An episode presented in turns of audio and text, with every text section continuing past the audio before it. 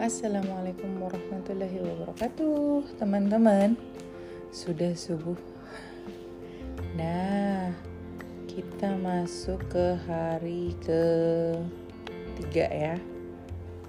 Ini hari ketiga Tapi ini episode terakhir dari Usman bin Affan. Usman kalian udah tahu. Eh Amalia mau rekap dari awal siapa yang pertama kali Abu Bakar. Selanjutnya siapa? Umar bin Khattab. Terus ketiga sahabatnya Usman. Nah, Usman itu complete package. complete package karena dia kaya, dia ganteng, dia hafal Al-Qur'an. Aduh, Masya Allah banget ya. Terus dia itu generous, dia nggak pernah walaupun dia dia sebelum masuk Islam sampai dia Islam pun dia generous sama semua orang ya. Nah kemarin itu kita ngebahas soal dia um, ngajakin untuk compilation Al-Quran ya.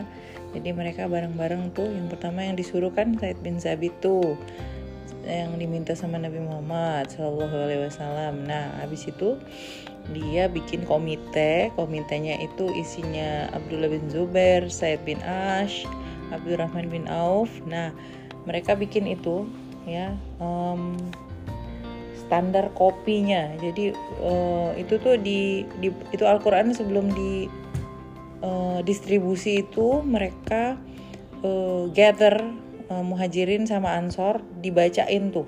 Dibacain di uh, tiga kali. Setelah mereka baca udah approve baru tuh. Uh, di prepare dicetak baru didistribusi ke provinsi-provinsi uh, ya. Oke okay. sekarang kita lanjut. Hari 31 concern of the ummah. Apa ini artinya coba ya Uthman was an extremely religious man who would spend, who would spend his nights praying. Wow. At night he used to fetch the water for the wudu himself instead of waking up his servants, as he believed that they deserved their rest. Jadi nih, yang punya servant malam-malam, ah tolong ambilin air dong. No, mereka uh, harus istirahat juga, ya kan? Nah, he liberated a slave every Friday. Jadi dia punya slave, tapi slave-nya itu kalau sekarang dibilang tuh asisten ya, asisten karena sama dia tuh diemansipasi gitu. Ada hari liburnya, terus mereka istirahat gitu ya. Nah, Usman started the tradition of supplying free meal to everyone during Ramadan at iftar. Wow, breakfast or fast time. Nah, Hmm, Amalia mau cerita nih. Did you know what the meaning of breakfast? Why the meaning of breakfast? So, when you sleep, ketika kamu tidur, tubuhmu itu fast, fasting, bener nggak? Ketika kamu tidur itu detox, detox dimulai, limpa, ginjal semua bekerja mengeluarkan racun-racun. Jadi uh, sebelum tidur itu harusnya you suppose you're not supposed to eat. Karena kalau kamu eat yang bekerja adalah lambung bukan uh, organ-organ tubuh kamu yang lain gitu. Jadi sebe sebenarnya seharusnya kita mendukung gitu organnya supaya detox tuh. Karena kamu kalau kamu tidur they heal gitu loh. Jadi tubuhmu bersih. They're fasting and when you wake up ketika kamu bangun kamu minum air, that's the meaning of breakfast. You break fasting. That's why the name is breakfast. Breakfast gitu ya. Jadi kalian udah ngerti kan kenapa dibilang breakfast. Oke, okay. the muazin who those call the people to prayer. Muazin tahu kan?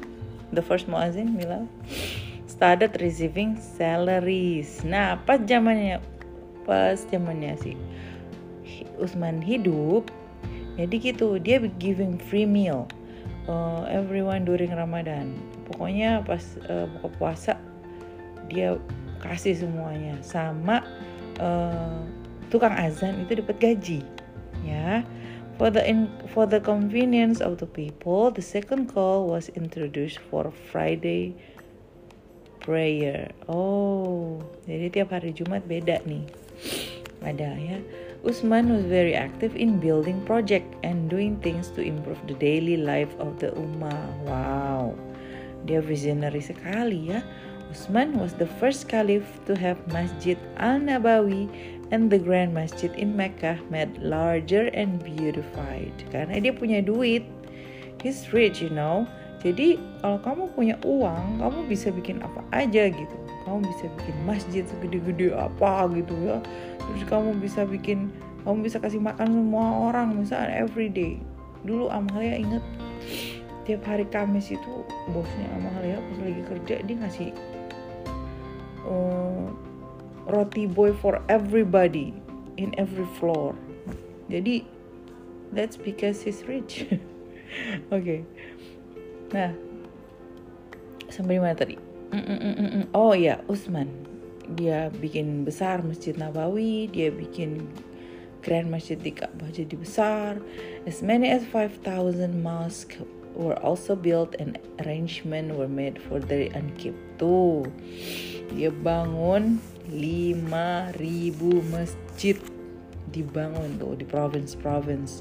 Terus dia punya arrangement gimana caranya ini akan jalan terus. Hundreds of canals and wells were dug to increase the water supply and to develop agriculture. Wow. Guest houses were built in the big cities. It was Usman who decided that Jeddah should be the site of the new seaport. Oh, dia bikin pelabuhan and it was closer to Makkah than the port of Susba. Nah ini Amalia belum tahu nih Susba. Port of Susba itu yang sebelah mana ya? Nanti Amalia cari. Ini Jeddah ya, Jeddah dibikin pelabuhan.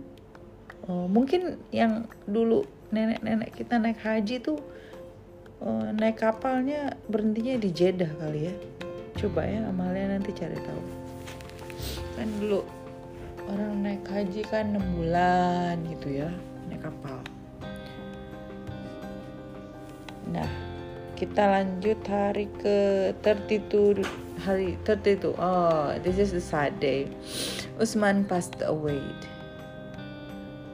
Passed away. In the month of Shawwal jadi Shawwal itu habis Ramadan 25 Hijrah three armed group of rebels came to Makkah eh, came to Medina from Egypt, Kufa and Basra. They studied the situation in Medina and when they realized that there would be no resistance, they surrounded the caliph's house. Nah ini kita nggak tahu ya. Usman was not allowed to leave the house to go to the mosque for prayer. Even food and water were withheld. Hmm. The siege continued for 40 days.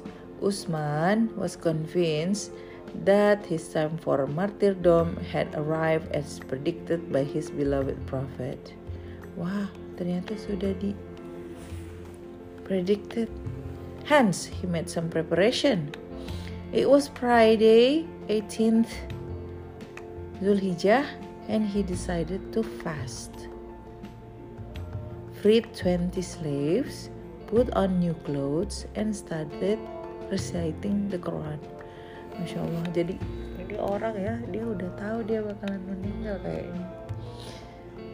Hasan Hussein, grandson of the Prophet Muhammad Wasallam, Abdullah bin Zubair, and the other youth were guarding the front of Caliph's house.